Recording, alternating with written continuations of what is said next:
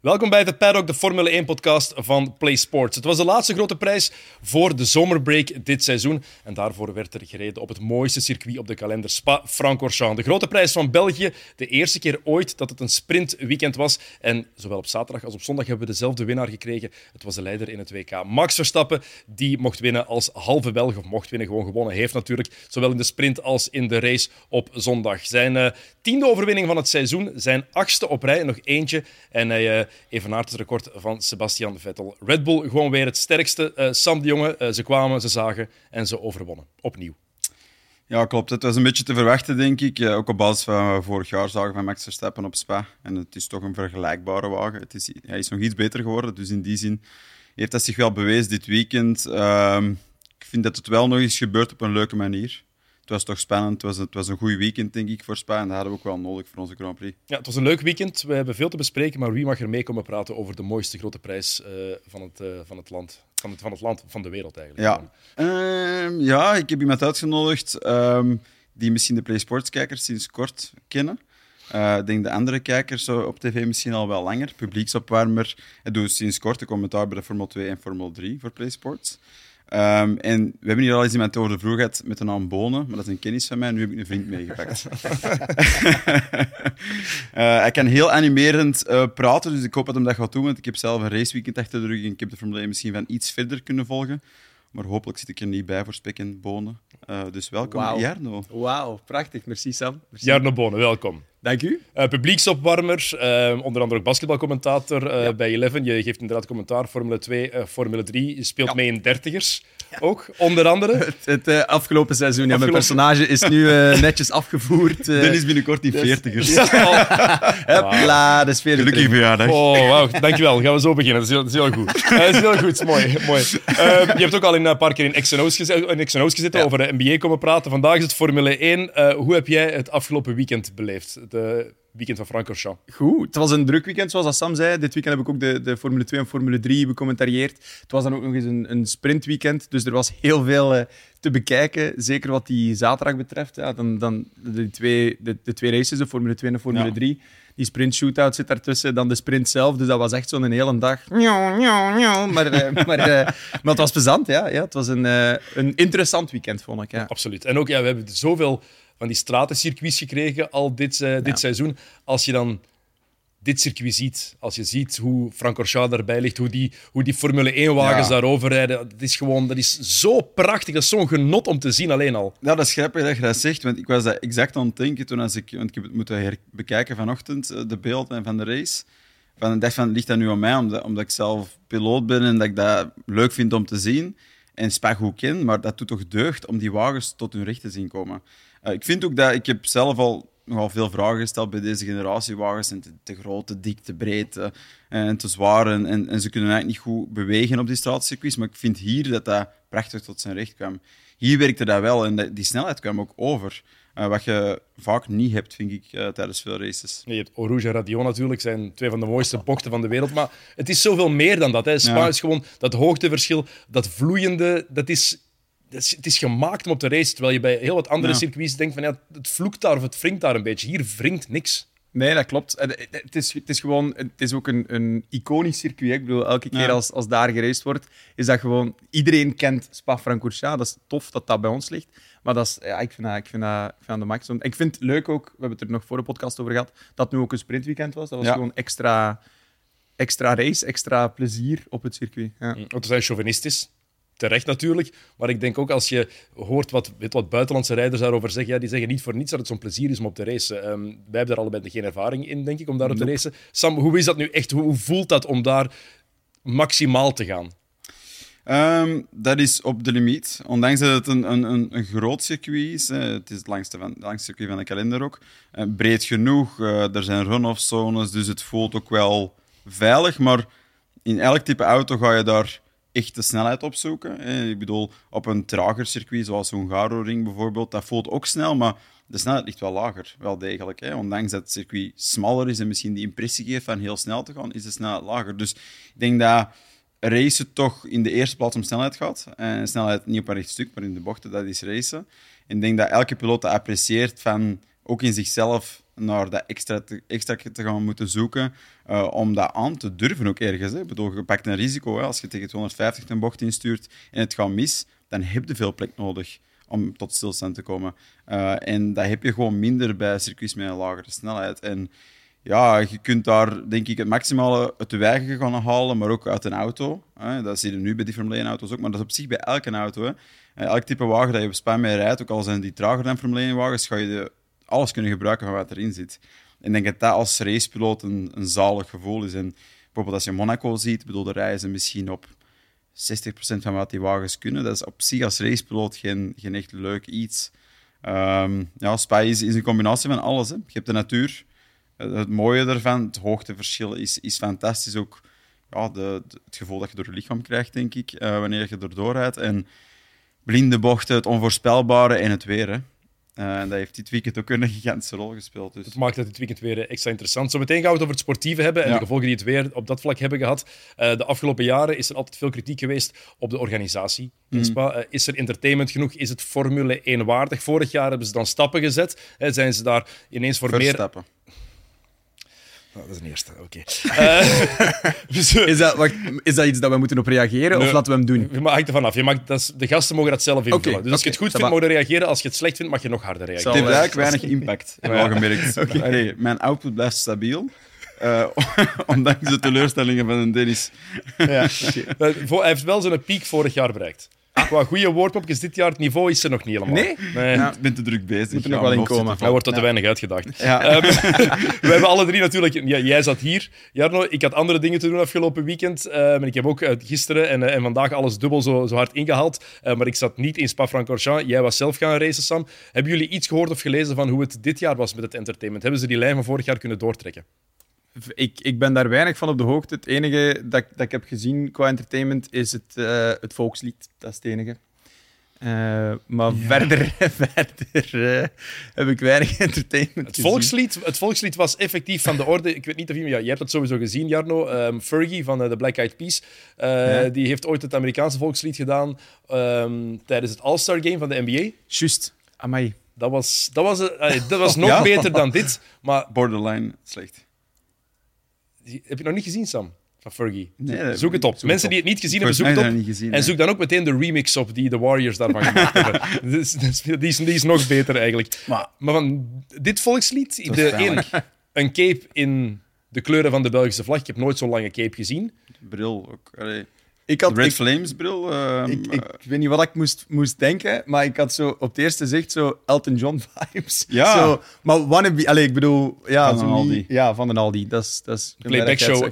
Playback show uh, Elton John ja, maar vibes. Ondanks die de mens kon zingen, hè? Dat is het ding. Ik bedoel, goede stem, op zich goed uitgevoerd. Maar waarom moest de last minute langs een goedkope verkleedwinkel gaan om je kleren te halen? En waarom stonden daar allemaal cheerleaders rond die stilstonden? Ja, dus je zet daar een hele cirkel cheerleaders rond.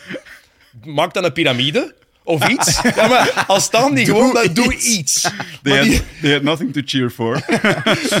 Zelfs zij waren in de war. Zo dan het mooiste is het, is het beeld van, van, van iedereen die er rond stond. En het filmpje op, op de socials van Play Sports van, van De Croo en Dominicali en, en alle... Fernando Alonso zijn gezicht was het beste. En dan de piloten. Iedereen had een andere indruk van, hmm, dat ging van speciaal naar. Goh, Ga ik hierop reageren? En Alonso is de enige die echt durfde reageren van... Wat niemand, niemand wist gewoon wat ze moesten zeggen of denken ook. Iedereen stond daar maar van, oké, okay, gaan we racen zeker? Was, was, was maar het was entertainment. Ja, dat dus dat ik bedoel. Ja, heb, Jij nog, heb jij dingen opgevangen, Sam? Um, ja, ook niet, niet, niet superveel. Ik zeg, ik kom zelf van een raceweekend, dus het is in die zin uh, een beetje van op afstand gevolgd. Maar wat ik wel een beetje heb gehoord, is dat de, de animatie er rond, maar ook wat betreft eten, drinken en zo, alles eigenlijk in het dorp rond de Formule 1 of rond dat circuit, dat dat wel uh, oké is, maar misschien niet op het niveau van wat de uh, nieuwe circuits aanbieden of andere circuits op de kalender, die wel op dat niveau zitten. Niveau is natuurlijk superhoog, hè, en dat is zo. Um, en ik denk misschien dat Spa wel zo jaren geteerd heeft op gewoon het circuit zelf. Uh, en dat dat de aantrekking is. En dat is misschien dan zowel misschien iets Belgisch, om dan zo opportunistisch misschien niet tot de limiet te gaan van wat je er rond misschien nog moet brengen. Uh, maar gewoon ervan uit te gaan dat dat genoeg is. En Ehm, ik denk dat dat op vele vlakken misschien wel de rode draad is in het verhaal van Spa, ook voor de toekomst. En of het op de kalender dan blijft. Ehm, ik denk dat ze meer zullen moeten doen dan gewoon teren op, op, op de geschiedenis van dat circuit. Gel- Gelukkig hebben ze vorig jaar die eerste stappen al gezet. Ja, Ehm, hoop ja ik kan- absoluut. Maar het weer heeft natuurlijk ook niet geholpen. Hè. Eh, op, naar Spa gaan is fantastisch. Maar dat gaat altijd zo zijn. Hè. Ja, Dat is iets dat je niet... Dat is iets, je hebt dat niet in de hand. Dat is gewoon... Dus het enige dat je kunt doen, is de, de dingen er rond dat je wel in de hand hebt, zoals dat je zegt, ja. zo aangenaam mogelijk maken, denk ik dan. ja, maar ik denk, ik denk ook van... Allee, je weet eigenlijk net dat het gaat regenen, heel vaak. Dus Ja. eigenlijk moeten we gewoon zien dat, dat dat zeker werkt. Dat je daar geraakt en weggeraakt op een propere manier. En dat je niet in de modder staat voor vier, vijf uur. Dat hebben we ook gehad eh, twee jaar geleden. Twee jaar geleden, ja. Dus allee, ik denk sowieso, het was, ik denk dat het een heel goed weekend was. Ehm, ik denk dat er ook heel veel mensen waren. Dus ik denk dat de balans is positief. Maar ik denk wel dat het niveau dat Formule 1 aan het bereiken is, qua entertainment gehalte wordt het... eh, het is veel meer geworden. Hè. Het is een Amerikaanse organisatie die het runt. En dat kun je zien. Eh, er is niks mis mee, denk ik. Ik denk dat dat voor de, de kijker en de, de toeschouwer die er is een, goeie, een, een goede zaak is. Maar wij als Belgen zullen toch wel moeten... We have to raise our game, denk ik. En het Tomorrowland gegeven nog meer uitspelen, denk ik. Het is in hetzelfde weekend als Tomorrowland. Doe daar iets mee. Ja. Er is dat er nu waar. niks, niks echt mee gedaan, maar het Ja, dat is speel waar. dat meer uit, eh, zou ik denken. Zeg Eh, wel, als we nu eens een eh, nephaven zouden leggen in Kusha, is dat niet... Allee, ik weet niet of dat kan, of dat, dat, wordt al, dat wordt al gedaan. Ik denk dat we origineler kunnen zijn. Dat we Plus, iets- we hebben zeker genoeg water voor een echte Dat is wel haven. waar. Dat is wel waar. Het is eigenlijk gewoon een put. We zetten daar een boot in en dan zien we hoe lang het duurt voordat hij een boot drijft. Dat is eigenlijk, daar kunnen we naar kijken. Ja. De tactiek. Eh, hebben al die supporters, al die toeschouwers, eh, waar voor hun geld gekregen als het op sportief, eh, over het sportieve gaat? Dat denk ik wel. Ik vind het absoluut van wel. Ja, ja er, er is, er is eh, sowieso veel geweest, maar, maar eh, ja, er is exact, oké, los van het feit dat Verstappen altijd, altijd wegrijdt. Ik heb zo vandaag nog zo'n video gezien van de, de effectiviteit tussen Verstappen en Perez. Ja, dat is, dat is pijnlijk, hè? dat is pijnlijk inderdaad. Maar los daarvan, mensen zien wel een race. Er zijn veel pitstops geweest ook. Er is, er is, er is veel, veel gebeurd het hele weekend lang. Dus dat is wel... Ja. En ik vond het ook tof dat het een, race, dat een sprintrace weekend was, inderdaad. Zoals jij net Ja, zei, ja. Jarno. Ik vond het eigenlijk wel... Ik weet, er is al veel, zijn veel mensen die pro zijn, veel die tegen zijn. En Gert Vermesch is zo iemand die er eigenlijk geen fan van is. Ik vond het tof. Ja, ik, ik, ik ook. En ik, ik, denk dat, ik denk dat het sprintformat veel te maken heeft met het circuit waar het is. En dan met de, met de weersomstandigheden. Dat, dat hielp gewoon heel hard. Hè. Die, die vroege bandenwissel die moest gebeuren. En zo, dat, dat zorgde voor verschillende strategieën tussen verschillende Yep. piloten. En dat heeft het denk ik wel spannend gemaakt. Maar wat ik wel meer en meer apprecieer aan dat sprintformat is eigenlijk... Het simuleert bijna het laatste deel van de race op zondag. Waar wij eigenlijk allemaal altijd naar uitkijken. Ik denk dat twee derde soms wat saai is met bandenmanagement en piloten kunnen niet echt pushen. Maar dan zo die laatste 10, 12 ronden zien we dat vaak tot leven komen. En ik vind wel dat die sprintrace meer en meer eh, een soort van voorbereiding daarop is. Een warm-up. Ze pakken minder risico, absoluut. Maar ja, er wordt toch beter geraced, vind ik. Nu gewoon nog meer punten aanvassen. Of een groter puntenverschil tussen nummers 1, 2 Ja, en 3. ja. En dan gaat er volgens mij veel meer... Geef de eerste 15 punten en de tweede maar 5. Ja. Dan Ja. is het al belangrijker. Bijvoorbeeld, hè, natuurlijk is het maar Ja. een, een zou, eh, nu dit seizoen, zou nu dit seizoen Nee. misschien niet, Ja, het is niet helemaal ideaal zijn. Maar, Nee, want Maar, eh, als je kijkt wat Verstappen weer gedaan heeft, nog één keer winnen dus. En hij evenaart het record van Sebastian Vettel in 2013. Ja. Negen overwinningen op rij. Heeft nu 314 punten. Dat is al meer dan het totaal aantal punten van Sebastian Vettel in 2010 en 2012, toen hij wereldkampioen werd. Ehm, dertiende opeenvolgende podium voor Max Verstappen. Eh, het is maar drie keer beter gedaan. En dan nog Red Bull als team. Nu record voor het meeste aantal overwinningen op rij in één seizoen. 12 overwinningen. Eh, het, is, ja, het, is, het is indrukwekkend. Ehm, Ja, zou die dominantie van Verstappen jou frustreren als je tegen hem op de grid staat, Sam? Ehm, als je in een auto met potentieel zit, wel. Ehm, Maar wat is een wagen met potentieel op dit moment? Ja, allee, ik bedoel, er zijn niet op het niveau van Red Bull, duidelijk. Maar, maar, ehm, maar ik denk dat Mercedes en dan initieel Aston Martin en dan nu komt McLaren er een beetje bij, dat dat zo de, degenen zijn die dan gefrustreerd zouden kunnen zijn. Ik denk in het geval van McLaren is dat absoluut niet het geval, want die komen van ver. En eh, Aston Martin eigenlijk ook, dus daar is ook weinig frustratie. Dus misschien bij Mercedes is dat er wel. Komen dan uit een altijd winnende positie, is dat denk ik moeilijker om, om te accepteren dat je ergens je huiswerk minder goed hebt gemaakt eh, dan dat Red Bull het heeft gedaan. Ehm, is dat frustrerend? Goh, ik, denk dat, ik denk dat zo belachelijk, eh, dat het zo'n belachelijk groot verschil is, dat de frustratie minder is. Je kunt daar dan toch niet echt iets tegen doen. Op zondag 18e tot een seconde sneller per ronde. Ja, Ja, maar dat, dat, is toch, dat is echt toch niet meer normaal. Het, is, het is natuurlijk het circuit waar die Red Bull waarschijnlijk het best tot zijn recht komt. Maar je hoort wel in High downforce en heel snel op het rechtstuk. heel veel Britse commentaren, daarin hoorde je misschien wel de beste racewagen die ooit gemaakt is. Altijd Ja, heel moeilijk in te schatten, want het is zo'n rijke geschiedenis en je moet dat altijd bekijken in zijn, in zijn Ja. tijdperk natuurlijk, vergelijken Klopt. met de andere wagens op dat moment. Maar het is wel echt een kanon. Absoluut. En ik denk dat, het, is een, het is een andere vergelijking dan de Mercedes die we hebben gezien hè, in zijn dominante jaar. Dat was hybride tijdperk kwam en zij hadden een hele goede motor en dat speelde daar dan een heel grote rol in. Die moto op motorenvlak denk ik dat, dat we redelijk gelijk staan ondertussen. Eh, het, is, het is natuurlijk iets waar ze al heel lang aan werken. En ja, dan heeft Red Bull ergens een voordeel wanneer het gaat over aerodynamisch een auto gaan bouwen. En dan is Adrian Newey eh, ja, een genie erachter. En het is wel echt ongelooflijk hoe hij een auto heeft gebouwd die overal werkt. Eh, Dat, dat is zot. Die, die, die gebruikt... Ja, allee, de nadelen worden bijna een voordeel op die auto. Dat is, dat is iets dat je... Hey, waarom dat, dat zoveel respect moet, moet krijgen, denk ik, is je ziet dat dat exact het probleem is bij alle andere teams. Sommige circuits werken, sommige niet. Ja, ja, inderdaad. Zo moeilijk is het om een auto te maken die compleet is. En ja, Red Bull is daar denk ik heel diep bij perfectie gekomen. Mm. Ehm, Lewis Hamilton heeft zich ook uitgesproken over de dominantie van Max Verstappen. En hij zei letterlijk, eh, als je mij in de wagen van Sergio Perez zou zetten, het zou heel anders lopen voor Max. Ja. Jullie is- mening? Maar ja, dat kun je, je kunt dat nooit weten. Hè. Dat, is, dat, is, dat is heel makkelijk om te zeggen what if en als dit en als dat. Ja, Nu, het is wel een feit dat het is een groot verschil hè, tussen Max en, en, en Sergio. Dus dat is, dat is wel zo. Ja, ik stel me daar ook vragen bij. Maar goed, er wordt dan zo gespeculeerd over. Ah, Daniel Ricciardo gaat misschien eh, zijn seat krijgen en dit en dat. Ja, ik weet niet of dat. dat ik denk dat Max is ook gewoon. Ja, dat tikkeltje gewoon Ja. boven al de rest. En pas op, Lewis is dat ook, hè. Maar, maar het gaat closer zijn. Dat Da- denk ik daarom, wel. hoe zou, hoe zou Voilà. dat, verlo- hoe zou dat Het verlopen, jullie? zijn, Zet, maar- zet Hamilton in die wagen van Perez. Wat voor Als- dynamiek en wat voor seizoen krijgen we dan? Ten eerste zou het heel hard afhangen van of die, de rijstijl van die auto, of hij zich daaraan kan aanpassen. Ja. Ik denk persoonlijk van wel, vanwege de kwaliteiten van Lewis Hamilton. Die, ik pas, geloof daar die kan zich aan elke wagen aanpassen. Ja, dat heeft, die heeft ook gewoon het intrinsieke talent van Verstappen. En is ook wel een harde werker. Ehm allee, is, is ook wel veel show. Maar ik denk achter de schermen wel echt een, echt een, een winnaar. En, eh, en die zal gewoon blijven werken om, om het te doen slagen, denk ik, zo'n project. Dus ik geloof er wel echt in. Of dat hij beter kan zijn dan Verstappen, die in zijn prime zit. En ook het leeftijdsverschil, dat betwijfel ik wel een beetje. Maakt die leeftijdsverschil zoveel uit, denk je? In deze tijd, als je je lichaam echt goed verzorgt, zoals je ziet dat zoveel topatleten nog altijd doen. Ja, ik denk dat er wel ergens een verschil is qua...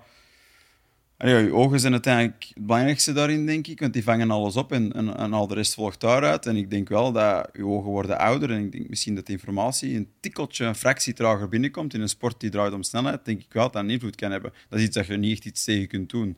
Dus puur qua skillset is, is Lewis duidelijk hè, goed genoeg. Maar ja, ik denk toch wel dat leeftijd een klein beetje kan, kan meespelen. En die Ja. dynamiek. Ja, wat denk je daarvan? Zou dat, zou dat veel veranderen? Zou- want nu weet je, ja, Verstappen, weet, Verstappen weet dat hij Perez niet moet vrezen. Psychologische oorlogsvoering is er ook niet in dat team. is- Ja, zet Hamilton daarnaast. En puur mentaal gaat het al een volledig Maar je hebt- ander verhaal zijn. Het is altijd een ander verhaal wanneer het onduidelijk is wie nu juist de eerste, de eerste keuze of de first driver is. En dat, dat voelde overal. En dat is met Hamilton en Rosberg ook zo geweest. Van ja, wie is nu de, de first driver? En dat, dat was, dat was Ja, ja, ja. constant clashen. Hè. Max en Ricciardo in het begin. Toen dat, ja, Max, eh, Ricciardo was eigenlijk de first driver. Ricciardo en Vettel, daarvoor Ja. Ricciardo en Vettel, inderdaad. Ja. Dus, dus je voelt dat dat altijd een ding is. Dus tuurlijk, als Ma- Max en Lewis in dezelfde wagen zouden zitten, dan zou dat exact hetzelfde zijn. En ik denk dat de rivaliteit tussen de twee alleen maar groter wordt. Want hij- toen hij het zei, dacht ik meteen... Spijtig dat dat eigenlijk niet het geval is. Ja, Ik zou het wel willen zien, die twee samen in een team. maar dat gaat... Ik denk dat het redelijk destructief Ja. zou eindigen. Allee, ik bedoel, niet per se van het klassieke met Max en Lewis kunnen niet samenwerken. Ik denk dat ze een dreamteam zouden kunnen vormen initieel en Red Bull nog naar een hogere hoogte kunnen sturen. Maar is ook- Allee, ik bedoel, ze het zijn allebei winnaars. Dus dat zijn allebei mensen die, wanneer dat ze voelen dat ze iets... allee, dat, dat ze omringd worden door iets dat kan winnen, willen zij de persoon zijn die dat. Allee, logisch. Dat, anders zouden ze niet zo succesvol zijn. Dus dat zou ook fout zijn als, als een van de twee zich zou settelen voor, voor tweede piloot. En ja, niet, je kunt niet met twee winnen. Hè. Er Nee. kan maar één iemand winnen. Hè. Maar los daarvan, er is ook gewoon te veel gebeurd tussen die twee, denk ik, in de afgelopen paar jaar, om ooit Ja, ik weet dat niet. gezonde teammates te zijn. Ik, ik, ik, geloof zo wel ergens in het respect dat eruit voortkomt Maar ook. twee teammates die allebei denken dat ze wereldkampioen kunnen worden en het ook effectief kunnen worden. Ik denk dat er geen gezonde relatie kan bestaan. Dan. Nee. Dat is Nee, onmogelijk. Je moet ergens dan psychologisch een stuk gaan spelen. Je moet elkaar een stuk gaan buitensluiten wat betreft informatie sharen. Ah, ja. Dus inderdaad, ik denk dat het destructief zou eindigen. Het zou echt een half seizoen interessant zijn van wow, allee, die zetten iedereen op een ronde bijvoorbeeld. Maar dan, ja, er moet iemand winnen. Hè. Het zou wel cool zijn. Destructiviteit kan ook interessant zijn. Mooi. Het is drama voor de sport, dat Tegel- wel. dat gaan we op het tegeltje zetten. Nog eens, al zo wat Dat hangt al in mijn badkamer, volgens mij. Zullen, we het, zullen we het weekend eens chronologisch overlopen? Misschien voor een keer. Eh, vrijdag. Geen evidente omstandigheden. Hebben we gezien. Sam, je hebt net gezegd hoe het is om op spa te rijden. Hoe is het om in zo'n omstandigheden op spa te rijden? Want dat is nog anders. Ja, absoluut. En zeker met auto's met, met veel downforce, waardoor dat, ja, alle de regen dat op de baan ligt omhoog wordt gegooid. Ehm, dus heel veel spray. Dus dat is denk ik een van de, van de moeilijkste dingen. Natuurlijk, hoge snelheid betekent weinig foutenmarge. Als het droog is natuurlijk al, maar als het regent, schuift er nog meer letterlijk. Dus dan is dat nog meer tricky. Ehm, maar het is wel een circuit dat door de lange bochten fijn is om in de regen te rijden. Lange bochten betekent, je hebt eigenlijk tijd om eh, de grip op te bouwen in die band, doorheen de bocht. De temperatuur stijgt, die band werkt beter en dat geeft u wel veel vertrouwen. Dus Spa is wel zo'n circuit waar je hard durft gaan in de regen. En ik vond dat het ook heel zichtbaar was met, tijdens de vrije training, tijdens de quali, elke keer dat regende, met hoeveel vertrouwen dat ze dat deden. En ook door radio en zo, die snelheden waren hallucinant eigenlijk. Ehm, ja, regen is iets delicaats, maar ik, vind dat, ik vond het impressive. Hey, ik vond ook een showcasing bijna dit weekend voor... Dat zijn de beste piloten ter wereld. Ik vond wel dat je dat voelde, van allee, er zijn weinig fouten gebeurd. En wat we dan zagen, het is opnieuw interessant hoe belangrijk die timing dan is. Hè. Als het regent, of als, als je weet, Ja. er afwisseling tussen regen en droog weer, zo cruciaal om op het juiste Ja. moment over die lijn te rijden. Ja, het grootste voorbeeld staat in de Formule 2, als ik daar even maar naar, naar mag refereren, omdat eh, de Premas van eh, eh, die, die, die waren, want het was aan het regenen, of nee, het ging beginnen regenen, zo Ja. was het. En er was heel veel twijfel van, ja, oké, starten we deze op, op, op eh, natweerbanden of, of, of doen we dat toch niet? En eh twee Premas hebben gezegd, fuck it, wij pakken slicks en we zijn nu naar buiten. En die waren buiten en er zijn de enige twee die een deftig rondje hebben neergezet. Maar in sector 3 begon het dan wat te regenen en de front row lock-up en de rest Dat echt ging maar- prima. Echt, dat ging... Dat ging ja. Ehm, en de rest... En de rest rustig, Dennis, rustig, rustig, rustig. En de, de rest had echt maar meerdere seconden daarachter. Dus dat was, dat was... En ineens begon dat daar te gieten. En dan weet het, het is gedaan. En de enige die een deftig rondje hebben gedaan, zijn... eh, zeg het? En wie? De Premas. Ja, fijn. De Ja, laat maar. sorry, ja, oké. ik dacht dat je mij zo gedismist had. eh. Oh, dan vergeet ik het. Maar dat maakt het ook nu in de, in de Formule 1 weer interessant. Als je Ja. dan kijkt, ehm, Max Verstappen bijvoorbeeld, hè, in ja. Q2, hij overleeft daar Net. maar net die tweede kwalificatiesessie. En als, als ze achter hem die foutjes niet maken, ja, dan ligt hij er gewoon uit. Ja, je moet even inbeelden, strategisch gezien, inderdaad, zoals je zei, Dennis, de timing daarvan is superbelangrijk. Dus je rijdt naar buiten en eigenlijk, je punt dat je naar buiten rijdt en de berekening van hoeveel ronden dat je gaat doen, moet dan maken dat je als laatste over de meet kunt om nog de laatste ronde te doen op, op de opdrogende baan. Hè? Dus dat is wel een, een zot moeilijk gegeven voor ingenieurs en dat is dus wel een stuk geluk dat erbij moet komen. Zeker in de hedendaagse Formule 1, waar we altijd file rijden zien voor de laatste bocht. Dus je weet ergens ook niet van hoeveel tijd kun je misschien verliezen voordat je je ronde begint. Dus het is een stuk timing, een stuk geluk, een stuk piloot die ook initiatief moet pakken. Dat zou we op Hungaroring dan, van mensen in te halen als er van dat file rijden is. Ehm, maar het is wel een gevoel, om nog even een gevoel ervan mee te geven, dat is een van de leukste dingen die er zijn. Op een slick, op een baan die opdroogt, de limiet gaan zoeken. Want je weet als piloot van, het wordt altijd sneller. En de, de risk-reward is nogal groot. Als je veel durft, kun je ook echt de reward krijgen van Ja. er ver boven te staan. Ehm, en ja, ook dat heeft bijgedragen, denk ik, tot het succesvol weekend van Spa. eh, dat, dat de mensen daarvan hebben mogen genieten. Dat zorgde wel voor een interessant momentje tussen, tussen Verstappen en zijn ingenieur. Natuurlijk, Verstappen die niet blij was. Eh, de ingenieur die zegt van, ja, oké, je, hebt, je hebt Q3 toch nog gehaald, dus er is geen probleem. Ja, maar als tiende, dan I don't give a fuck. En het was met heel wat, heel wat vloeken bij. Eh, eh, is het terecht dat hij zo reageerde? Maar Verstappen, dat zie je altijd. Hè. Dat is, dat is zo'n compet- competitiebeest. En die wint. Allee, ik snap dat ergens ook wel. Je wint elke race met twee vingers in de neus. Je wilt het voor jezelf op een of andere manier ook interessant houden. Dus als je dan ineens voelt van fuck, ik ben hier maar tiende, ja, dan baalde wel. Je Zeker weet, met zo'n wagen. je weet dat je de dat, snelste wagen hebt. Je weet dat je ook de snelste rijder van, van dit moment bent. Ja. Dan wilde niet als tiende door in naar, naar, naar Q3. En dan, of, ja, dat snap ik dan wel of zo. Dus, dus ik vind dat niet raar dat hij op zo'n moment ook even kwaad is en zegt van...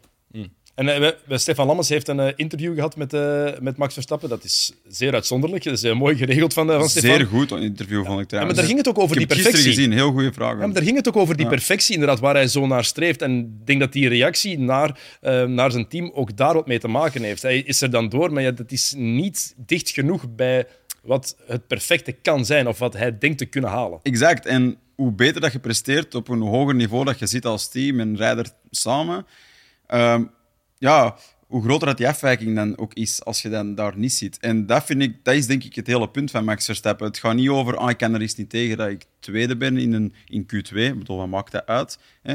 Maar hij was tiende. Dat is En niet het goed scheelde genoeg. niet veel Dat is niet goed genoeg. 12. Ja, en het is niet omdat je elke keer wint, dat je plots eens niet mocht presteren. Dat is natuurlijk heel gemakkelijk. Je wint altijd en als het dan eens niet goed gaat, dan kun je zeggen, maar we winnen toch de rest. Ja, ja. Oeh, maar wacht, laten we even afzonderlijk deze situatie bekijken. We hebben daar niet goed gedaan. Dat is de realiteit, dat zijn de facts. En dat vind ik wel... Allee, we bewieroken hem vaak, maar het moet ook wel, want dat vind ik wel echt extreem interessant aan zijn persoonlijkheid. Van, hij is er direct bij om eigenlijk hun kort te houden en te zeggen, jongens, bedoel, sorry, maar deze was gewoon niet goed. Ik vond de reactie van Ambiassi anders ook wel opvallend. En, Die vond ik ook sterk. en grappig, die gewoon zegt, "Hey, zeg jij dan maar wat je, wat je wil. Ehm, banden, brandstof, tactisch plan. Dat is ja. een beetje ook van, gast, ik heb het gehad eigenlijk Ja. met uw, eh, uw kritiek. dat Bepaal was- jij alles dan maar. Heel het weekend ook zo. Hè. En de race ook, dat vond ik nog de beste, de beste radio-message van al. Is dat, hem, dat, Ja. dat de discussie, of de discussie dat hem aangaf, dat zijn, eh, zijn engineer aangaf van, zeg maar, eh, uw banden, doe, doe een beetje rustig, je moet niet zo pushen. Je ligt meer dan, dan voldoende seconden op voorsprong. En dat zijn reactie was van, zeg maar, anders push ik nog wat meer en dan doen we nog een extra pitstop. A little bit of pitstop training, zei hij echt. Dat, dat je denkt van, hoe... Het is, het, is, allee, ik- het is een grappige relatie. En, Ja. allee, en pas op, een heel effectieve relatie.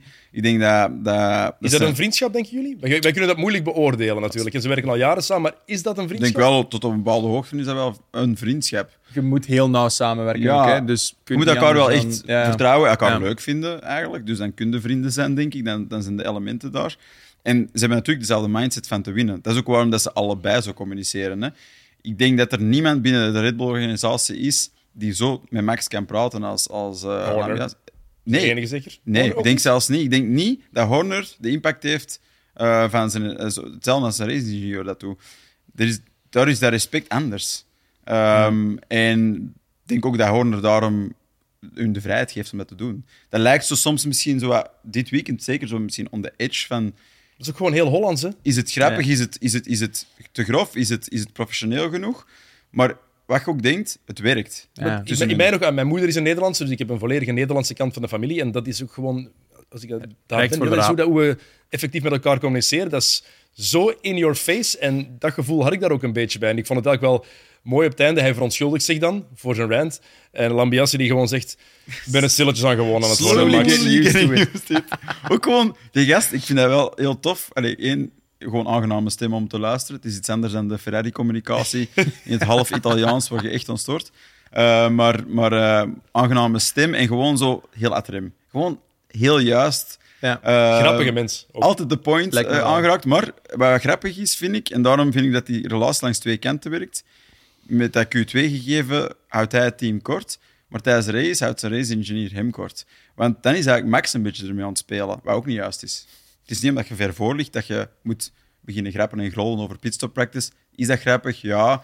Is dat professioneel op dat moment? Nee. Ja, want Verstappen Allee, krijgt de boodschap meerdere bullshit. keren, hou je hoofd erbij. Ja. Snap je? Wij, wij geven de instructies en dan krijg je eerst eh, welke instructie kreeg Perez. En dan van nee, doet er niet toe.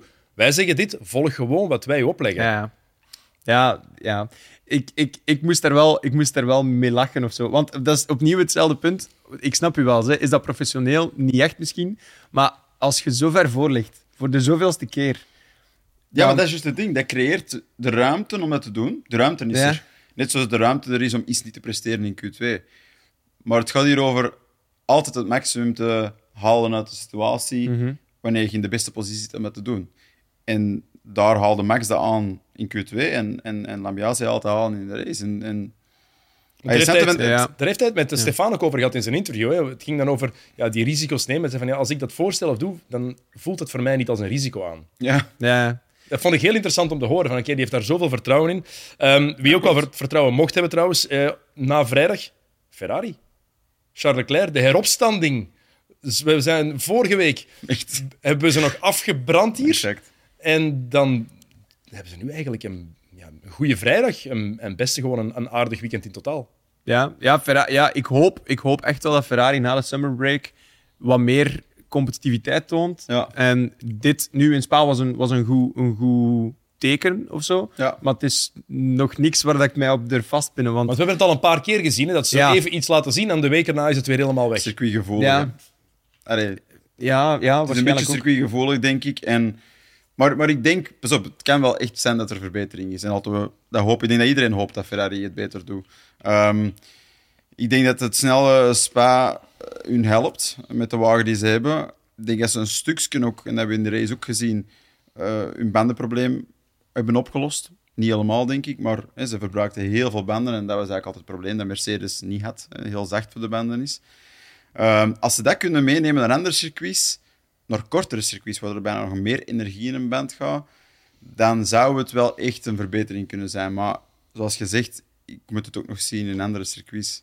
Dat is de beste referentie. Spa is dan ja, misschien niet helemaal juist. Daarom blijft- is het moeilijk om hier nu echt over te oordelen. Ja. want we kunnen Ja. zeggen, dit weekend van, van Ferrari was goed bij het moment, want Leclerc pakt dan de pole, omdat Max Verstappen eh, een nieuwe Ja. gearbox had en vijf plaatsen achteruit, eh, achteruit moest. Maar ja, het is moeilijk om, om er echt nu al een, een, een ja, waardeoordeel over te kunnen Ik denk, vellen. dat, ik denk dat we dat nu nog niet kunnen. Gewoon. We hebben al veel races gezien en er is zo goed als geen consistentie geweest bij, Nee. bij Ferrari. Dus, dus het is niet omdat we dan nu weer even een piek hebben dat we nu moeten zeggen: ah, ze zijn terug. Ja, we hebben nu de summer break, er gaat veel, veel gebeuren misschien. Ze gaan er hard mee bezig zijn en, en, en we kunnen alleen maar hopen als ze terugkomen naar Zandvoort. Dat, dat, eh, dan, ik denk dat we dan wat meer gaan zien van: oké, het gaat toch die goede richting uit. Of, of, eh, Het vertrouwen in Ferrari is ook een beetje te laag, hè? om dat te durven zeggen. Maar, ja, dat, dat- dat- maar dat speelt ook Kijk een rol. naar hoe dat wij erop reageren. Hè. Heel afwachtend. Hè. Ehm, dat zouden we vroeger nooit gedaan hebben. Hè. Ik bedoel, vroeger zouden we gezegd hebben, ze zijn terug. Terwijl bij Mercedes zouden we het wel zeggen, ja, oké, ze hebben het gevonden. Omdat we geloven in de organisatie. Hè. Ja, en Mercedes is consist- consistent gewoon. Hè. Dat is, dat is, Zo- ook al presteren ze niet goed, die halen altijd het maximum uit, uit de situatie. En dat, dat voelde keihard. Mercedes is altijd een goed raceteam, maar niet altijd met een goede raceauto. Ja. Ehm, Alpine, die hadden geen goede vrijdag. En dan komt daar ook het nieuws dat eh Otmar eh, Safnauer en eh Alain Perman dat die daar vertrekken. Ja, Nu meteen. Na de grote prijs van België vertrekken ze daar. We hadden het er vorige week over, Sam, dat het daar ook niet goed leek te zitten. Ja, dit is de bevestiging dat het daar gewoon echt niet goed zit. Als die twee vertrekken, dan weet je, oké, Paleisrevolutie, mm, ja er is gewoon een. een, ehm, moet ik het zeggen? Intern gezien, of, of zelfs achter de schermen, is er geen. eh, ze zijn het eigenlijk niet eens over de strategie van dat team. Eh, en op welk, in welke timeframe dat, dat moet gebeuren. Hè. Heeft daar gezegd van we, kregen 100 races om het succesvol te maken, om te winnen. We hebben er 30 eh, gehad. Dus goed, het geeft ons nog een aantal jaar. Alle succesvolle teams hebben een aantal jaar nodig gehad. Kijk naar dat, kijk naar dat, kijk naar dat. En dat heeft ergens wel kwaad bloed gezet bij, bij, bij Renault, die erachter zitten natuurlijk. En van, oké, ja, ik bedoel, misschien is dat zo, maar we moeten dat één zo uitspreken. Want ja, die hebben ook investeerders en die hebben ook volgers enzovoort. Ik bedoel, dat, dat spreekt niet echt van veel vertrouwen. Maar het was wel een realistische analyse, denk ik. Een juiste. Maar daar is oneenigheid over. En ehm, ja, in die zin zijn ze twee heel goede mensen, denk ik, kwijt. En vrees ik niet dat ze dat zomaar kunnen invullen met andere mensen die dan wel dat kunnen waarmaken voor hen. Ik denk dat, de, dat Renault een stuk het raceteam gebruikt om, om Alpine het commerciële automerk terug te reviven. Hè, want dat is de bedoeling. En als dat niet lukt, dan hebben ze ook niks aan dat team. Snap? Het is bijna een marketingvehikel geworden, waardoor je een beetje twijfelt aan intrins- intrinsieke motivatie om daar een goed raceteam van te maken. En kun je dan in topsport presteren? Snap je? Je moet het echt willen. Je moet dat echt willen en je moet er het geld willen in steken. En ja, we hebben het er al vaak over gehad en de laatste keren meer en meer over van wat zit daarachter? Is daar genoeg aanwezig om het te doen slagen? En ik denk dat het heel wankel is. het blijft nogmaals, vorige week ook gezegd, bewijs, Piastri heeft een goede keuze gemaakt. Ja. Maar Ja. Dat is toch wel de indruk die je meer Zot, en hè? meer... Hoe meer het seizoen evolueert, hoe meer je, zot, hoe meer je echt nu inziet van... Oeh, onze eerste indruk van die beslissing vorig jaar, die was misschien toch verkeerd. Eh, Ja. het is verstandig wat hij gedaan heeft. Ja, kijk wat dat hem nu allemaal doet. Plots. Allee, ik ben heel blij dat McLaren, want ik ben, en, ik ben McLaren-fan sinds, sinds eh, mijn eerste races. Ik ben blij om te zien dat McLaren eindelijk terug een beetje, ja. een beetje niveau aan het maken is en podiums pakt. En, en dan een rookie als Piastri dan ook echt presteert en, en mee daarin, daarin kan groeien. Dat is heel fijn om te zien. Ja, want als je naar zaterdag gaat, hè, die sprint shootout eerst, opnieuw heel interessante omstandigheden. Ja, daarin doet Piastri het opnieuw fantastisch en bewijst hij opnieuw wat voor een... Ja, we wisten allemaal dat het een toptalent was. Het laten zien, Formule ja. 3, Formule 2, wisten we allemaal. Hè, als je twee jaar op rij kampioen wordt en dan één jaartje in de wachtkamer zit en dan het nu goed doet, ja, op elfduizendste van Verstappen net hè? die pole missen. Ja, en zijn reactie vond ik ook goed. Is zo, Ja. dat is, allee, normaal zouden ze... Ja, ja, voilà. Normaal zegt de Piastri, je bent P2. En dan is dat zo, yes, fuck, yes. En nu was het echt zo van, eh, je bent P2. En ik zal het u ja, maar zeggen. Dat is echt zo precies zo van, toch- wat komt er nu? En dan zo, ja, je bent elfduizendste achter Verstappen. En het enige dat je hoort is gevloek. Dat is, Maar is dat ook niet zo het mooie aan sport en aan sporters? Van, je verwachting ligt eigenlijk initieel lager, totdat je er dan heel snel bij komt en dan is het niet goed En genoeg. dan, ah ja, voilà. Snap je? Je je past zo snel je doelen aan in sport. Alleen ik denk dat goede sporters dat ook doen. Dat dat ook nodig Dat is een belangrijke nuance. Ja. Goeie. Ja, Ja, ja. allee, dat is zo, hè, want ik denk dat, zoals je zegt, misschien niet complete sporters daar dan wel zo gelukkig genoeg mee zijn. Maar de echte goeie, die zijn, die zijn niet gelukkig. Die, die denken net, godver, dat is polepositie. hè, Dat is, Ik zie Lance Stroll niet zo meter. reageren. Dat betekent niet dat Lance Stroll geen goede piloot is. Maar ik schat Piastri wel in als een potentiële Ja, ja. wereldkampioen. Ik ook, en bij. Stroll Ja. denk je dat bijvoorbeeld niet. Nee. Zo, Nee. zo, eh, dat is niet om weer die eruit te pikken. Nee, nee, maar dat is, dat is op zich het meest... Allee, het- een juist voorbeeld om, om, om het verschil tussen die twee aan te duiden. Je hebt toch een helemaal ander gevoel bij, bij Piastri. En, ja, en het is gewoon enkel over het gevoel dat we ervoor hadden. Want we hadden vanaf het begin allemaal zo van... Hè, we gunnen hem tijd en niemand was echt zo hard voor zijn prestaties. En kijk, dat betaalt zich nu uit. Ik bedoel, eigenlijk rijdt hem, eh, rijdt- hem Norris naar huis dit weekend. Hè. Maar, Ja. En met veel verschillen op een circuit dat een driver circuit is. Ah, ik vind dat, dat is bijna zorgwekkend voor Lando Norris. Ja. Beiden ongeveer even oud ook. Hè. Maar dat komt opnieuw een beetje aan het, aan het punt dat we daar net aangehaald hebben van... Ja, de echte, de echte toppers, die zijn zo, zo perfectionistisch. En die... Ja, het zou stom zijn als je op, zo dicht bij Verstappen eh, landt en dan niet een beetje jammer vindt dat je toch niet ergens die, die 11 milliseconden hebt gevonden. Want ja, wat, wat verschil is dat dan, hè? Ja, dat is toch het verschil tussen een beetje glorie of, of alle glorie. Ah ja, en je wilt alle glorie. hè. Ik bedoel, dat is de grootste voldoening die je hebt als sporter. Hè. Hij heeft een mo- hele mooie quote gegeven achteraf, Oscar Piastri, vond ik. It's amazing to be disappointed. Maar dat, vond ik eigenlijk... dat is heel Dat mooi het gezegd heel mooi samen wel. Ah, wel, ja. Clever guy, hè? Zeg Absoluut. maar, even over Alpine, want in de sprintrace, Ja. Gasly was wel, was wel derde in de sprint. Dus Alpine over het algemeen presteert niet, maar ineens stak Gasly daar dan wel op dat podium en net een kei goede race gehad. Dus dat is, dat is zo... hm.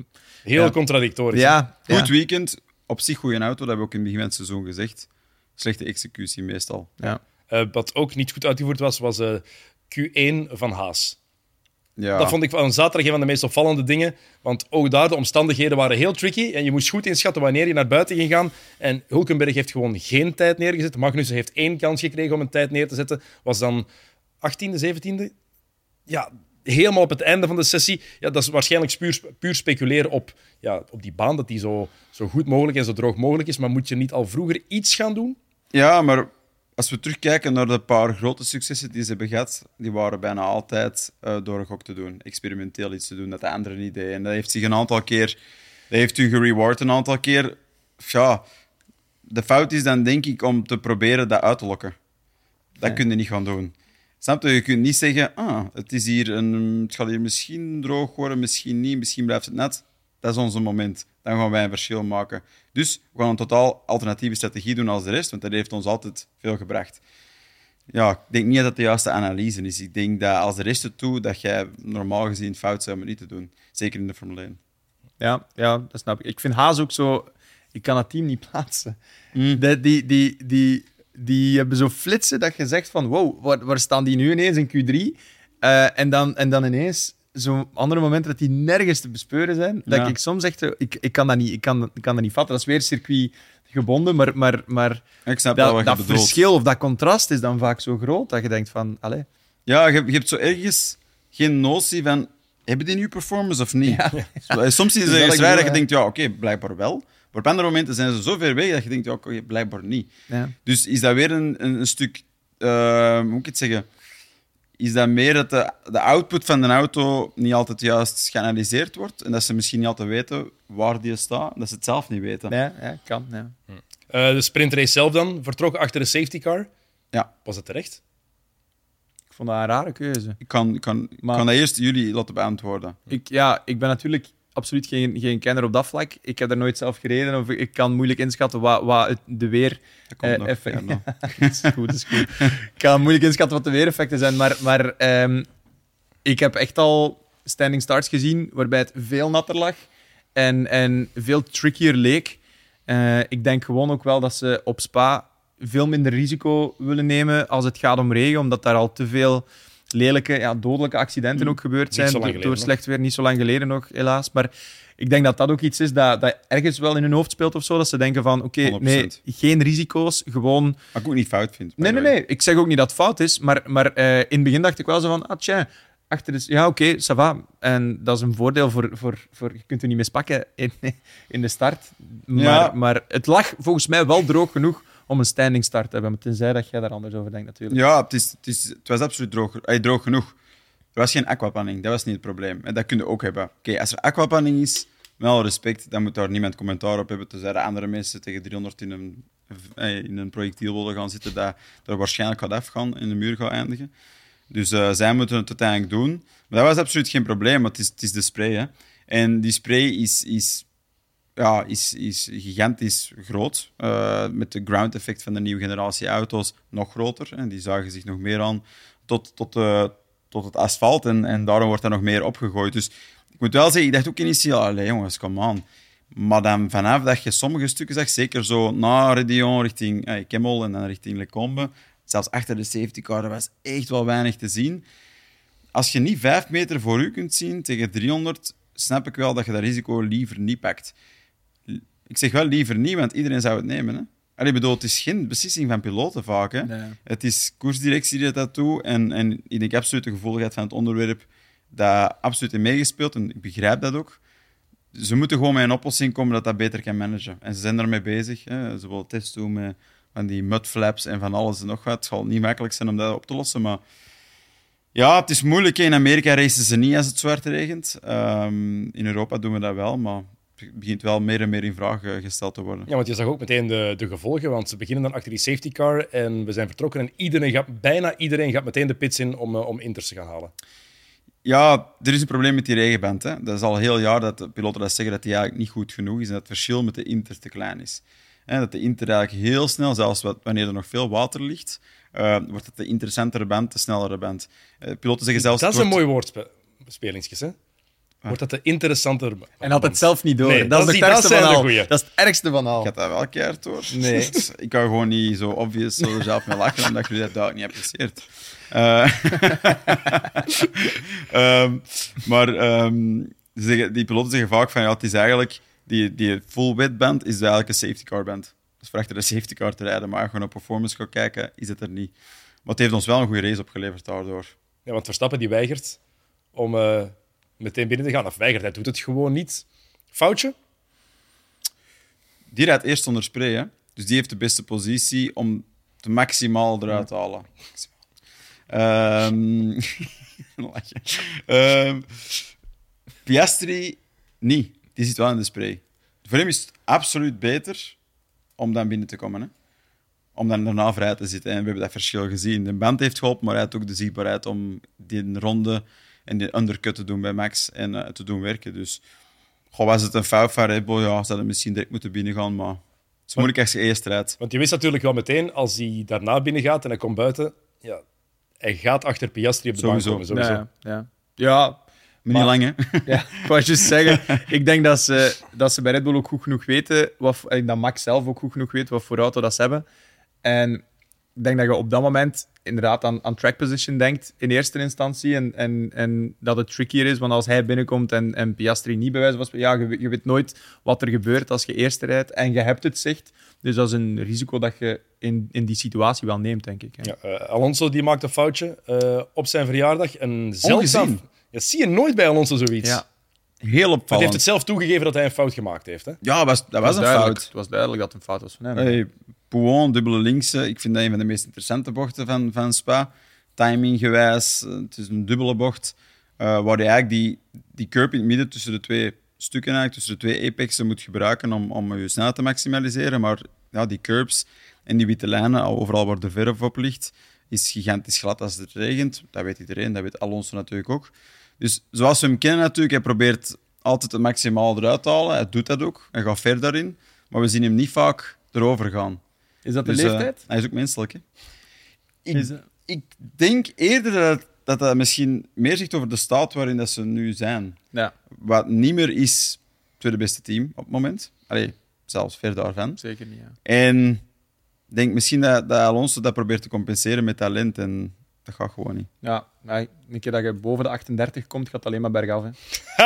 Zeker, ja, kijk, ik vanaf gehoord heb. 38. Vanaf 38. Die een dag, dat is... Dan- ja, Die een dag, ze, dat is het kantelpunt. Ja, ja. Ja, dat, is- dat, dat voel je. Visueel gezien, van de beste Ja. Zijn echt zo... Allee, het beste die zijn Ik geweest. ben blij dat je dat zegt, want ik durfde dat niet aanhalen. Nee. Ja, fijn. Ja. Eh, we kregen wel gelukkig een herstart daardoor. En Ja. een geweldig inhaalmanoeuvre van, eh, van Max Verstappen voorbij, voorbij Piastri. Want het is de eerste ronde, na de, we zijn net opnieuw begonnen. En hoe hij zijn wagen daar gewoon tussen smijt. indrukwekkend. Maar dat is, dat is, die Ja. gast heeft zoveel ballen als die, die, die rijdt met een beste Zes, auto. zeven ballen. ik, ben, maar- ik ben ook veel te visueel ingesteld voor dit dat soort probleem. Je moet dat niet zeggen tegen mij. Zo. Eh, Lastig in zo'n zo'n smal zitje. Maar. Ja, ik vond al dat die raar is. En, ja, fijn. Ehm, in ieder geval, eh, ja, het is niet nieuw, hè. Nee, allee, pas op. Ik vind ook... ehm, Piastri, dat is, dat is een nieuwe situatie, hè, race leiden. Plus, hij heeft ook nog niet veel in de regen gereden met een Formule 1-auto. Dus het is een stuk vertrouwen, een stuk die Red Bull die gewoon per stuk heel snel is. Ik bedoel, Piastri had er denk ik nooit iets kunnen tegen doen. Maar, maar het is inderdaad ook wel skill. Allee, skill en, en durf. Eh, ik vond een onboard eh, van Max heel interessant op, ey, richting Radio en er vlak achter zitten. En gewoon zo just... Je voelt gewoon van de zekerheid dat hij heeft. Je voelde het komen ook, hè? Ja, je wist dat natuurlijk. En ik vind dat ook niet... allee, ja, ik vind dat niet erg in de zin voor Piastri. Ik vind dat geen fout of zo. Eh, hij, is toch, hij heeft toch maar eerst gereden, zijn eerste ronde aan de leiding van de Formule 1 race. Eh, zonder die crash van Alonso, dus zonder herstart. Eh, iemand van jullie gelooft in een eh, overwinning van Piastri in een sprintrace? Kortere race? Wel in Spa- op Spa natuurlijk, Ik waar niet inhalen heel gemakkelijk is. Nee, overwinning denk ik niet. Ik denk dat Max... Allee, te- er zijn te veel factoren die zijn voordeel hadden gespeeld, ook al was er geen herstart. Die had dat wel, eh, die had dat wel eh, ingehaald. Ja. ik denk dat het beste bewijs is hoe goed dat Max is op Spa. eh, is, is gewoon de einduitslag van zondag. 22 seconden op eh, Sergio Perez met dezelfde wagen. Dat is hallucinant veel, toch? Ja, dat is heel... oké. Zeker als je erachter start nog eens. Eh, want ja, Pia- zaterdag Piastri op 2, Gasly op 3, hebben we dat net al gezegd. Ja. Maar dan de zondag inderdaad, wat je net zegt, Sam. Hij start als zesde, Verstappen. En dan doet hij het heel geduldig. En het is vooral de voorsprong die hij uitbouwt over Sergio Perez. En dan komen we eigenlijk ergens terug op wat we in het begin van deze aflevering hebben gezegd, op eh, de woorden van Lewis Hamilton. Het zou anders zijn geweest met, eh, met hem in een wagen. Dat is absoluut waar. Daar moest ik zeker aan denken toen ik, dat, toen ik hem zag, uh, Perez gemakkelijk zag inhalen en hem stel, eh, stilletjes aan gewoon zag wegrijden. Zich Dat laten. zou- Ja. Ja, ik denk dat Sergio Perez zo gefocust is op ehm, terug tweede te worden. Allee, snap je? Van, doel is natuurlijk altijd winnen, maar, maar het is eerst terugkomen naar nog eens tweede worden. Wat al lang geleden was. Ik denk dat Monaco de laatste keer was voor hem. Dus hè, dat, is, dat is al lang geleden. Dus dat is zijn focus. Dus in die zin is hij niet echt bezig met, met bevechten van Max. Ehm, hij heeft misschien ook wel een reality check gehad. Sinds eh, Miami ongeveer, denk ik. Dat, hey, Helmut Marco zei dat, hè.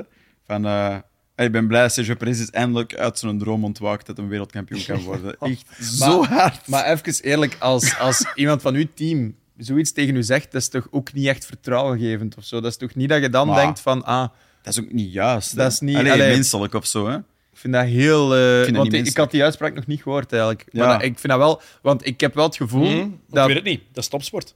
Als, als, je, als, je, als je in een ploeg speelt... Van een met- journalist misschien, maar niet van uw, van uw teamleider. Van uw Niet, Teamleider. niet, niet, niet, niet in het openbaar. Ja, Achter gesloten deuren wel. Oké, voilà, maar dat doet hij wel, hè? Ja, en dat is publiekelijk belachelijk. Ik Ja. denk... Dat is een groot ik- verschil. Ik denk dat Sam de Jonge er niet bij was in de kamer toen dat hem dat Nee, nee, tegen Perez zei. Dus, allee, denk ik. Allee, ik weet het niet. Maar als je, natuurlijk, als, je natuurlijk, als iemand zoiets zegt, als je het vergelijkt, als je vergelijkt met andere sporten, als iemand, als iemand in een basketmatch samenspeelt met Stephen Curry bijvoorbeeld, en die zegt van ik wil 30 shots per match pakken, ja, dan gaat die, zegt dat in de media, gaat de coach ook zeggen, ah nee, dat gaan we niet doen. Je speelt in de ploeg met een gast die duizend keer beter is dan u. Maar er is een Dus heel groot... dat eh, ook mee te maken heeft met de uitspraken die Perez heeft gedaan in de pers. Als hij dat achter Ja, ja. gesloten deuren had gehouden, was het misschien anders geweest. Denk ik. Misschien daarom. Hè. Maar- en bij Red Bull zijn ze hard. Maar er is, een, is wel waar. een heel groot verschil tussen een, een teamsport of een... Allee, Formule 1 is ook deels een teamsport. Zit er wel ik eens bedoel- alleen, hè? Ja, Allee, Dat is moet wat ik wel bedoel. zelf oplossen, hè?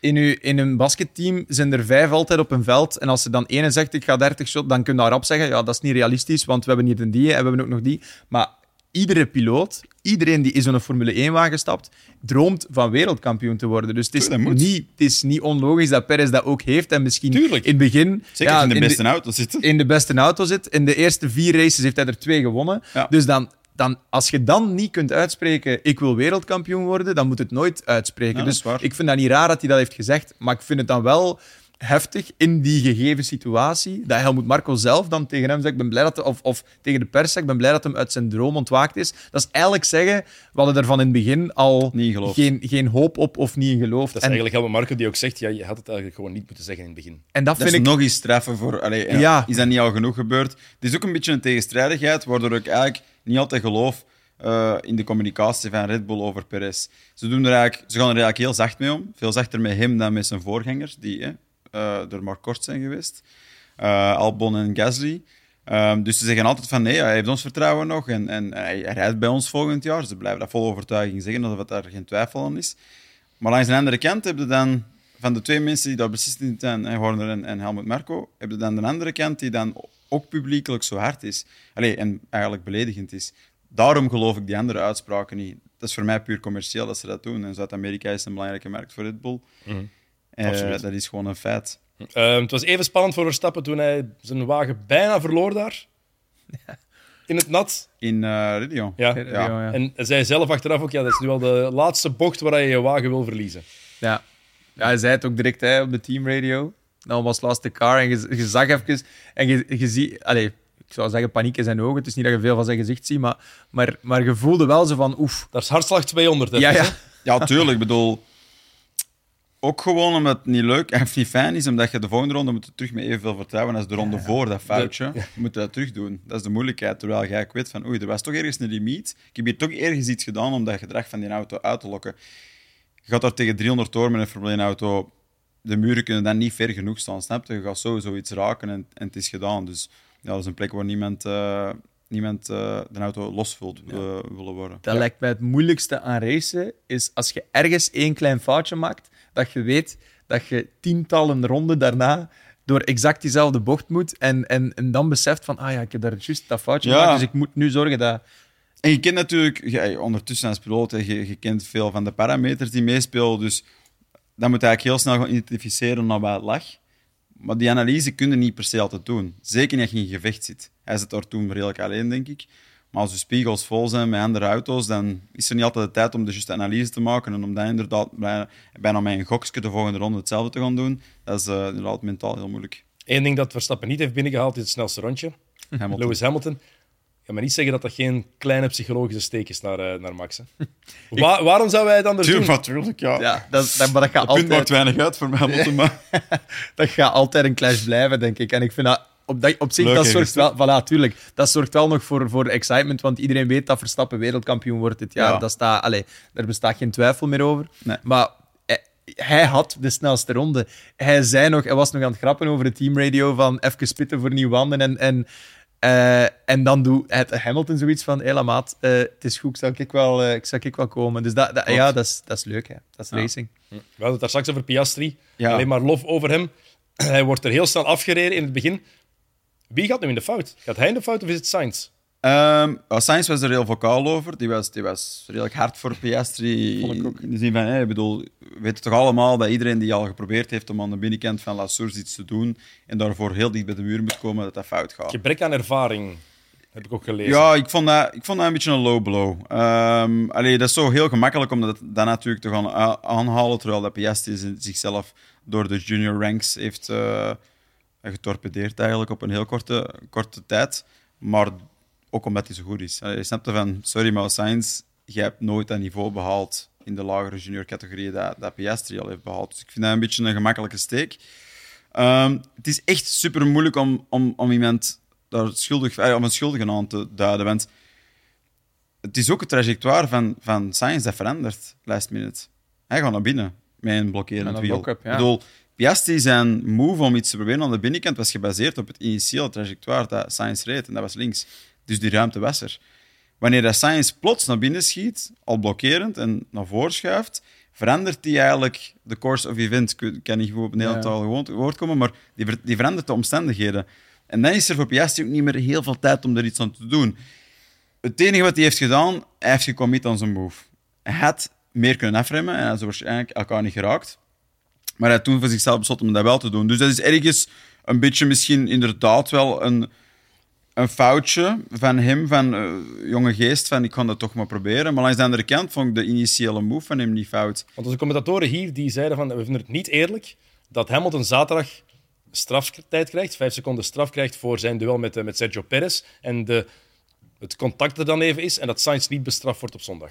Ja, ik vond, ik vond vooral de, de, de lock-up, het feit dat het een lock-up was, toont aan dat het Niet een foutje was. Het was niet gepland, Ja. het was een foutje. Je, je banden blokkeren, je moet, je moet zelf gaan uitzien van oké, ik moet hier zorgen dat ik niet vooruit schiet, dat Mhm. ik mijn bocht nog kan pakken. Dus je, je draait harder in naar binnen en dan zit, zit Piastri daar. Dus, dus had hem, want je zegt van ja, hij heeft gekozen om toch te committen aan die move, maar is dat niet, dat gebeurt zo snel allemaal? Is dat niet gewoon iets dat hem zelf niet had verwacht en dat hem zich aan, aan- ja, op die manier. Ja, maar als ik de beelden van de buitenkant zag, dacht ik direct, ik vind dat Sainz zijn eigen schuld. Maar dan als ik de onboards keek, dan kun je beter lengteverschil zien tussen auto's. En dan vond ik wel, omdat ik weet ook hoe dat gaat, met van uw rem komen en dan snelheid mee in de bocht rollen.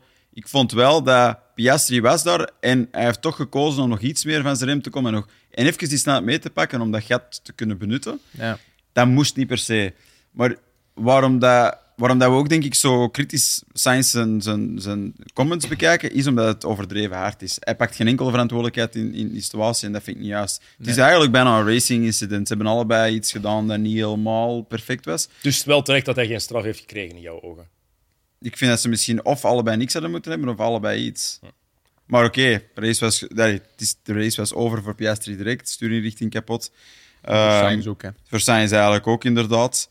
Ehm, maar ik vind wel, even om terug te komen van Hamilton en Perez, ook daar dacht ik initieel, goh, dat is toch Perez. Allee, bedoel, die Hamilton zit er letterlijk naast.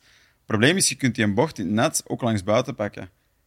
Dat heeft Perez gedaan, dus hij blijft op gelijke hoogte. En het is eigenlijk Hamilton die onderstuurt. Die verliest een voorkant en die rijdt tegen Perez, dus in die zin, dat vond ik wel juist. Oké, nog een paar dingen eh, voor we moeten afronden.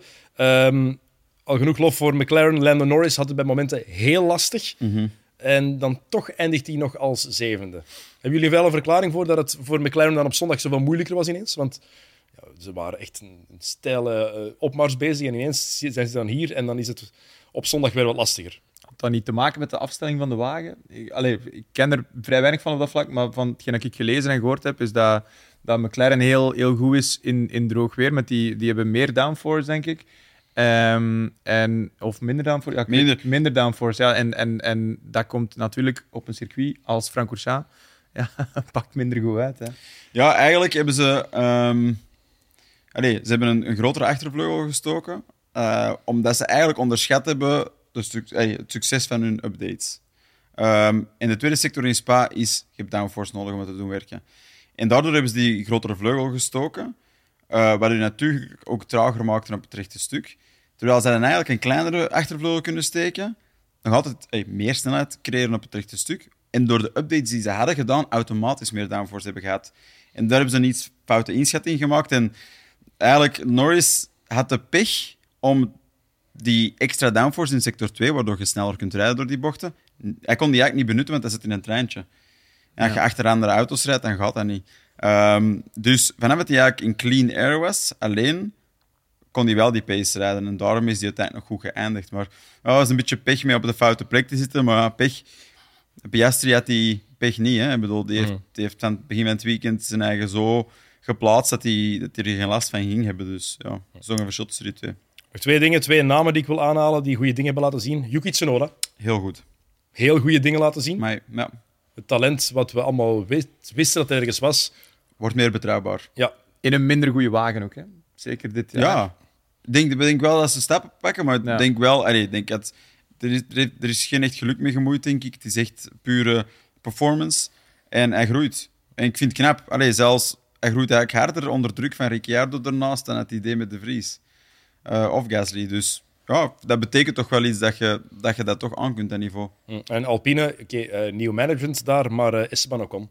Ik vind dat hij ook goede dingen heeft laten zien. Die eh passeerbeweging bij Tsunoda was indrukwekkend.